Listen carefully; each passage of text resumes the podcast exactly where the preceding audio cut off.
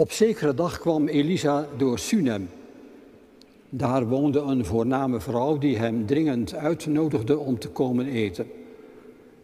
Van toen af aan ging hij elke keer als hij langs Sunem kwam bij haar eten. De vrouw zei tegen haar man, die godsman die telkens bij ons op bezoek komt, is beslist heilig. Laten we op het dak van ons huis een kamer voor hem maken en daar een bed, een tafel, een stoel en een lamp neerzetten. Dan kan hij zich daar terugtrekken als hij bij ons komt. Toen Elisa op een dag weer door Sunem kwam, onderbrak hij zijn reis en ging rusten in het voor hem ingerichte vertrek. Hij vroeg zijn knecht Gegazi de gastvrouw te roepen. Toen de vrouw op Gegazi's verzoek naar boven was gekomen, zei Elisa tegen Gegazi: Vraag haar wat we voor haar kunnen doen in ruil voor alle moeite die zij zich voor ons getroost heeft. Kunnen we voor haar bij de koning pleiten of bij de bevelhebber van het leger? Maar de vrouw antwoordde, ik leef te midden van mijn eigen volk. Weer vroeg Elisa, kan ik echt niets voor haar doen? En Gegazi antwoordde, jawel, ze heeft geen zoon en haar man is al oud. Toen zei Elisa, roep haar binnen. Gegazi riep haar, de vrouw kwam in de deuropening staan en Elisa zei tegen haar, vandaag over een jaar zult u een zoon in uw armen houden. Nee, waarde godsman, antwoordde ze, spiegelt u me toch niets voor. Maar de vrouw werd zwanger en precies een jaar later baarde ze een zoon, zoals Elisa had voorzegd. Het kind groeide op. Op zekere dag, toen hij was gaan kijken bij zijn vader, die met de maaiers op het land was, riep hij plotseling uit: Mijn hoofd, mijn hoofd. De vader beval een knecht de jongen naar zijn moeder te brengen. De knecht nam hem op en droeg hem naar zijn moeder. Ze hield hem op haar schoot, maar tegen het middaguur stierf hij. Toen ging ze naar boven, legde de jongen op het bed van de godsman en sloot de deur van het vertrek. Daarna ging ze naar buiten en riep tegen haar man, stuur me een van de knechten met een ezelin. Ik wil zo snel mogelijk naar de godsman, maar ik kom direct weer terug. Waarom zou je naar de godsman gaan? vroeg hij. Het is toch geen nieuwe maan vandaag en ook geen sabbat? Laat me nu maar, zei ze. Ze zadelde de ezelin en zei tegen de knecht: Drijf de ezelin zonder ophouden aan, tot ik zeg dat je halt kunt houden. Zo ging ze op weg naar Elisa, die op de karmel verbleef. Toen de godsman haar zag aankomen, zei hij tegen zijn knecht Gegazi, kijk, daar heb je de vrouw uit Sunem. Ga haar vlug tegemoet en vraag hoe het met haar gaat en met haar man en haar zoon. De vrouw antwoordde dat het goed ging. Maar toen ze bij de godsman op de berg aankwam, greep ze zijn voeten vast. Gegazi liep op haar toe om haar weg te jagen, maar de godsman zei, laat haar maar, ze heeft verdriet. En ik wist daar niets van. De Heer heeft het voor mij verborgen gehouden. Toen zei de vrouw, heb ik u soms om een zoon gevraagd? Heb ik niet gezegd dat u geen valse hoop moest wekken? Hierop zei Elisa tegen Gazi, neem mijn staf en ga er zo snel mogelijk naartoe. Als je iemand tegenkomt, groet hem dan niet. Als iemand jou groet, zeg dan niets terug. Je moet mijn staf op de jongen leggen. Maar de moeder van de jongen zei, zo waar de Heer leeft en zo waar u leeft, ik ga niet zonder u. Toen stond Elisa op en ging met haar mee. Gegazi was hun vooruit gegaan en had de staf op de jongen gelegd, maar die had geen teken van leven gegeven. Hij keerde terug en vertelde Elisa dat de jongen niet wakker was geworden. Toen Elisa zelf bij het huis aankwam, zag hij de jongen dood op zijn eigen bed liggen. Hij ging de kamer binnen en sloot de deur achter zich. Toen bad hij tot de Heer. Daarna liep hij naar het bed toe en ging bovenop het kind liggen met zijn mond op zijn mond, zijn ogen op zijn ogen en zijn handpalmen op zijn handpalmen. Zo bleef hij over het kind uitgestrekt liggen tot het lichaam weer warm werd. Toen kwam hij overeind, liep door de kamer heen en weer en strekte zich nogmaals over het kind uit. Uiteindelijk niesde de jongen wel zeven keer en opende zijn ogen. Roep de moeder, riep Elisa tegen Gegazi. Gegazi waarschuwde haar en toen ze boven kwam zei Elisa, u kunt uw zoon meenemen. De vrouw kwam de kamer binnen, viel aan Elisa's voeten neer en boog diep voorover. Toen nam ze haar zoon op en ging de kamer uit. De evangelielezing Johannes 6 vanaf vers 47 en vanaf vers 66. Waarachtig, ik verzeker u, wie geloofd heeft eeuwig leven. Ik ben het brood dat leven geeft. Uw voorouders hebben in de woestijn manna gegeten en toch zijn zij gestorven. Maar dit is het brood dat uit de hemel is neergedaald. Wie dit eet, sterft niet. Ik ben het levende brood dat uit de hemel is neergedaald. Wanneer iemand dit brood eet, zal hij eeuwig leven. En het brood dat ik zal geven voor het leven van de wereld is mijn lichaam. Toen trokken veel leerlingen zich terug en gingen niet verder met hem mee. Jezus vroeg nu aan de twaalf, willen jullie soms ook weggaan? Simon Petrus gaf antwoord, naar wie zouden we moeten gaan, Heer? U spreekt woorden die eeuwig leven geven. En wij geloven en weten dat u de heilige van God bent. Tot zover de lezing uit de Heilige Schrift. Ach, jongen, al die preken. Het is mijn moeder die dat zegt tegen me. Ze is opgenomen in een verzorgingshuis. De laatste jaren van haar leven.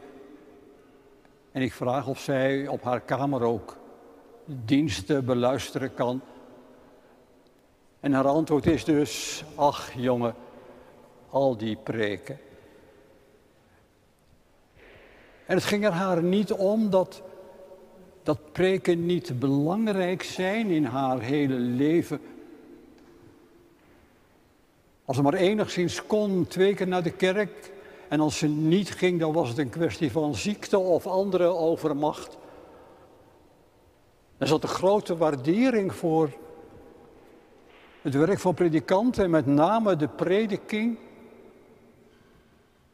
Een waardering die ook betekende dat, als het haar niet zo aansprak, die waardering juist extra uitgesproken werd. Van je moet daar toch maar staan. De laatste jaren van haar leven,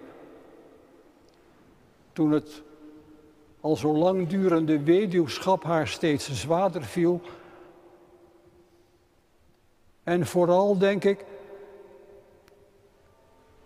toen uit de dichtstbijzijnde kring er wegvielen, zoals wij dat dan zeggen, veel en veel te jong. Wat ik doe, zei ze, ik lees een psalm en ik bid en ik ben stil. Daar moet geen vertegenwoordiger van God, als ik dat zo zeggen mag over predikanten, daar moet geen vertegenwoordiger van God nog tussen staan. De ontmoeting mag direct zijn. Het was aan dat gesprek dat ik dacht toen ik dit gedeelte uit twee koningen las. Want wat gebeurt daar nou eigenlijk? Elisa trekt vaak op zijn tochten doorheen het land, langs Sunem en is daar welkom geheten en de gastvrijheid wordt op een hele, hele bijzondere manier vormgegeven door het simpele feit dat er speciaal voor Elisa een kamer wordt gebouwd. Oh, een kamer speciaal voor de godsman, voor de profeet, voor de man die de woorden van God in woord of in daad doorgeeft naar het volk.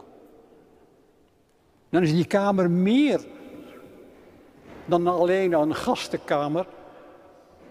Daar hangt iets van wijding. Daar hangt iets van de aanwezigheid van God zelf in die kamer.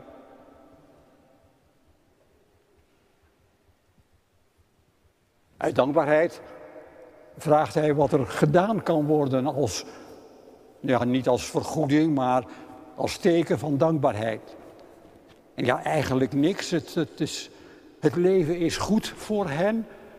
Ja, alleen de kinderloosheid. Alleen de kinderloosheid. Ze hebben daar, voor zover je dat ooit zeggen kunt, ze hebben daar samen blijkbaar wel een weg in gevonden. En dan komt Elisa dus met die belofte dat hij er over een jaar een zoon zal zijn. En hoeveel van die pijn, van de pijn van de kinderloosheid nog in die vrouw huist. Dat klinkt toch zo door in die woorden. Geef me toch geen valse hoop. Doe dat toch niet. Want we zijn die weg gegaan, die weg van het aanvaarden van de kinderloosheid. En dan opnieuw er wellicht mee geconfronteerd te worden dat uw belofte van over een jaar een zoon niet uitkomt. Dat red ik niet. Dat is me te veel. Maar die jongen wordt geboren. Die jongen groeit op.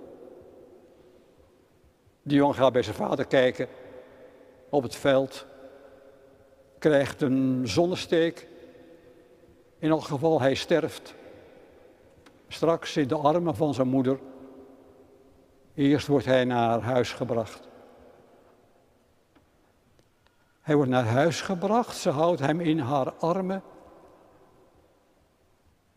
Een mater dolorosa.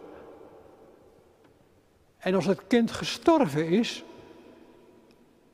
dan baart ze hem op in de kamer van Elisa. Ja, met al je verdriet, je moet maar durven. Want als er iets niet bij elkaar past, is het het heilige van God en de dood. En door hem in die kamer van Elisa te leggen, die kamer die, die eigenlijk die wijding gekregen heeft van Elisa's taak, maar daarmee ook de wijding van Gods aanwezigheid. Door die jongen daar in die kamer op dat bed van Elisa te leggen, zegt ze eigenlijk niet tegen Elisa, maar zegt ze eigenlijk tegen God zelf: Kijk nou toch.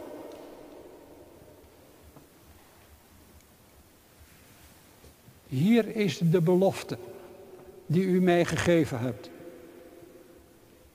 En even Even leek het inderdaad zo dat die belofte gestands gedaan zou worden. Maar nu, mijn kind is dood. Dat is een aanklacht tegen God zelf. Een aanklacht nog niet met woorden, dat komt straks bij Elisa. Maar door het kind daar neer te leggen op die gewijde plek, daagt ze God uit om zelf te komen kijken om zelf te komen kijken wat hij heeft aangericht. Maar het is dus niet alleen het teken van, die gestorven, van het gestorven kind op het bed van Elisa leggen. Nee, ze wil ook het teken uitspreken. Ze wil ook tegenover God, en is dan, dat is dan met de vertegenwoordiger van hem, Elisa, ze wil met hem in geding gaan. En het geding is dus in feite, en dat klinkt ontzettend hard, maar zo is het hier wel, het geding is Gods onbetrouwbaarheid. Want u belooft het wel, maar het gebeurt niet. Of hooguit even. Ze gaat dus naar Elisa op de Karmel. En dan heb je ook gelijk dat ontzettende contrast, de, Karmel, we kennen dat verhaal, Elia en die 850 profeten van de Balen en de Asherah, en God de, de, de, de machtige. Maar zij ziet dus de onbetrouwbare voor zich. Ze gaat en, u zult wel gehoord hebben, heel opmerkelijk, ze zegt het niet aan haar man dat het kind gestorven is. Ze zegt het niet. Zo is dat soms met verdriet. Op de momenten dat een mens de grond onder zijn voeten voelt wegzakken, dat er een blikseminslag in je leven is die vernietigend werkt. En je staat daar voor die afgrond, je staat daar voor zeg maar, verkoolde resten van je leven. En dat kun je niet delen. Daar is het te erg voor. Je moet er, je moet er in je eentje doorheen. En dat betekent niet dat, dat de steun en de troost en de bemoediging van mensen om ons heen, van geliefden of van zomaar iemand die langskomt of een kaartje stuurt, dat dat onbelangrijk zou zijn. Integendeel. Dat is een soort, voor velen in elk geval, een soort engelenwacht om je heen. En dat troost en dat bemoedigt. Maar dat laatste stuk, die donkerste bitterheid. Dat is toch in de sfeer van, van Rachel die zich weigert te laten troosten. Ze zegt het niet tegen haar man. En ze gaat dus alleen op weg. En als haar man vraagt, ja, waarom eigenlijk? Zegt ze, laat me nu maar. In het Hebreeuws staat er dan shalom. Ja, het is natuurlijk helemaal geen vrede, maar Nee, wat ze vraagt is: geef me ruimte. En geef me ruimte waarom en waartoe? Om die weg, die weg die ik alleen moet gaan, om die weg te gaan naar Hem toe, die me zo teleurgesteld heeft. Want uiteindelijk kan ik de weg niet alleen gaan. Uiteindelijk moet ik met Hem Nee, nee nog niet. Moet ik met hem in confrontatie? En dan gaat ze dus naar Elisa. En Elisa weet van niets en Elisa zegt dan, hé, hey, dat heeft de Heer me blijkbaar niet meegedeeld. Nee. De tussenpersoon, de vertegenwoordiger, de man van de preken, zeg maar, die is nou even niet nodig. Want niet alleen de vrouw wilde directe confrontatie, ook God wilde directe confrontatie met deze vrouw, met haar leed, wilde directe confrontatie met de dood.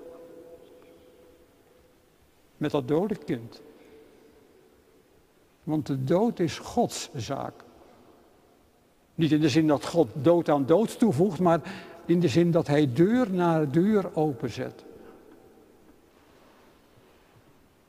Dat speelt hier. De vrouw die Gods aangezicht zoekt, maar met gebalde vuist. En God die haar tegemoet komt. Die het kind tegemoet komt. Die nood en dood tegemoet komt. En het openbreekt. En het openlegt. Telkens weer. Elisa heeft nog niet goed door hoe het eraan toe gaat. Op dat moment tussen de vrouw en God. Elisa begrijpt nog niet dat er blijkbaar inderdaad een geding kan zijn tussen, het kader van het Oude Testament natuurlijk, eh, tussen een vrouw en tussen de eeuwige, tussen de heilige.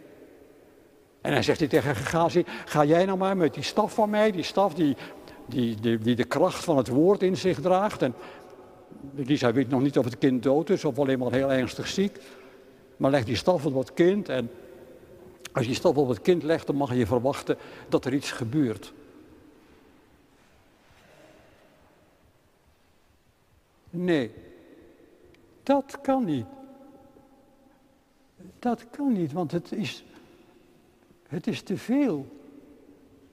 Het is niet alleen dit dode kind. Het is ook, ja, wie is God nou eigenlijk voor me? En daarom moet Elisa zelf mee als vertegenwoordiger van God. Om namens hem straks die deur open te doen. Letterlijk in zijn naam die deur open te doen. En zich te verontreinigen. En dat is het dus. In Elisa komt de Heer zelf mee en hij verontreinigt zich. En zijn verontreiniging betekent dat wat ik net noemde, dat de deuren opengaan. Telkens en telkens weer. Die verontreiniging krijgt een heel tastbaar beeld. Elisa gaat eh, bidden en gaat dan op het kind liggen. En nog een tweede keer, en als hij daar heen en weer loopt in die kamer, ik denk, ja, wat kan het anders zijn dat hij daar biddend heen en weer loopt? Dat twee keer zo op dat kind gaan liggen, is dat een, een ritueel van die tijd? Ik hoor erin zoals een vader liefdevol zijn armen slaat om zijn kind, omringt ons met erbarmen, God onze Vader, want we zijn van Hem. En wie door God omarmd wordt, die komt tot leven. En die jongen komt tot leven, weer adem in zijn neus, echt een nieuw scheppingsgebeuren. En de moeder komt op haar manier ook tot leven. En ze knielt in aanvaarding dat dit de weg van God blijkbaar was. Dat ze uit het diepste diep is weggehaald en met haar kind weer het leven in mag. De vader, de moeder, het kind, geen van allen hebben een naam gekregen. En als je dat verhaal dan zo leest, dan, dan, eh, dan kun je je op een bepaalde manier wel een beetje van je afhouden. Omdat het heel indringend is. En je kunt tegen elkaar zeggen, en dat, dat zal dan ook wel zo wezen, eh, dat het verhaal heel oud is, maar dat het pas in de Babylonische ballingschap is opgeschreven. De tijd dus dat je, dat je als volk dacht, ja, ja wij, wij zijn dat dode kind. Al die beloftes aan ons, die zijn er wel geweest. Maar ze werken niet meer. Het is, het is een oud verhaal, een verouderd verhaal. Maar, maar zegt het verhaal dan, er is uitzicht. Zo kun je dat dus lezen. Je kunt het ook, je kunt het ook gewoon toepassen, denk ik, op onze eigen tijd. Maar een andere, misschien in mijn beleving, een andere vorm van dood rondwaart. Mekaar afvakkelen via Twitter of hoe het allemaal heten mag. Fake news. Partijdigheid. Een splitsing in samenleving die meer en meer toeneemt. En En je kunt dus vragen, ja, wat is nou de taak van de kerk? Wat is de rol van de kerk? Zal zij ook dit dode kind, dit doodse in de samenleving, zal zij dit durven benoemen, zich mengen in de discussie? Of misschien allereerst, weet zij of in haar eigen midden er geen dood is van tweedracht, er geen dood is van elkaar afvakkelen. Maar juist die naamloosheid van vader en moeder en kind, die kun je ook, ook heel dicht bij jezelf brengen. Want dit verhaal uit Twee Koningen, het is mijn verhaal, het is uw verhaal. En hoeft het natuurlijk niet te gaan dat je je enige kind verliest. Er zijn genoeg situaties waarin een mens de grond onder de voet opeens weggehaald weet.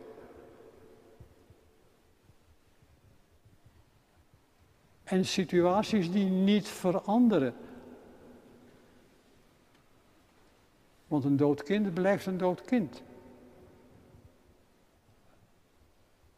En pijn en moeite in conflicten die niet opgelost worden, die blijven zo. En ziektes kunnen vaak niet genezen worden.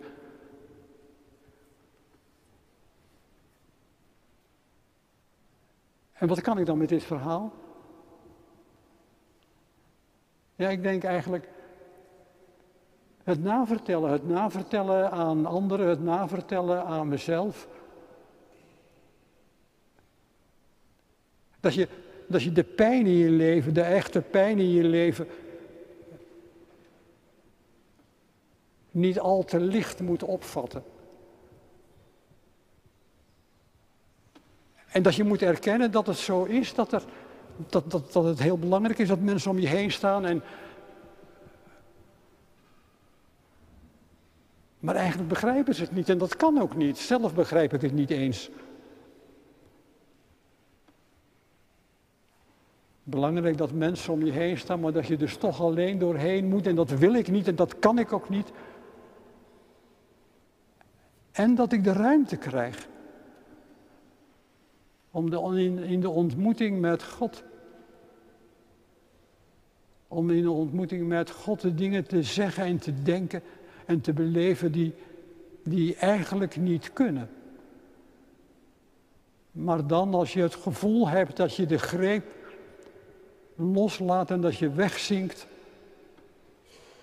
dan mogen er dingen gezegd en gedacht en geleefd worden die binnen ons beeld van heiligheid misschien niet passen. Maar die zo troostend dichtbij brengen. Want als ik tot hem roep vanuit de diepte, van God, u kunt me toch niet in de steek laten, dat is toch werkelijk Gods onmogelijk. Als ik roep vanuit de diepte, zou het dan niet zo zijn dat Hij er al lang was voor ik er was? dat Hij er al lang is voor ik er ben. Dat Hij me opvangt en meeneemt. Dat dat een, dat meenemen, dat dat een triomftocht is. Uit de dood naar het leven, uit het duister naar het licht. hoe voor de hand liggend dat de leerlingen weggaan. Want deze boodschap is hard.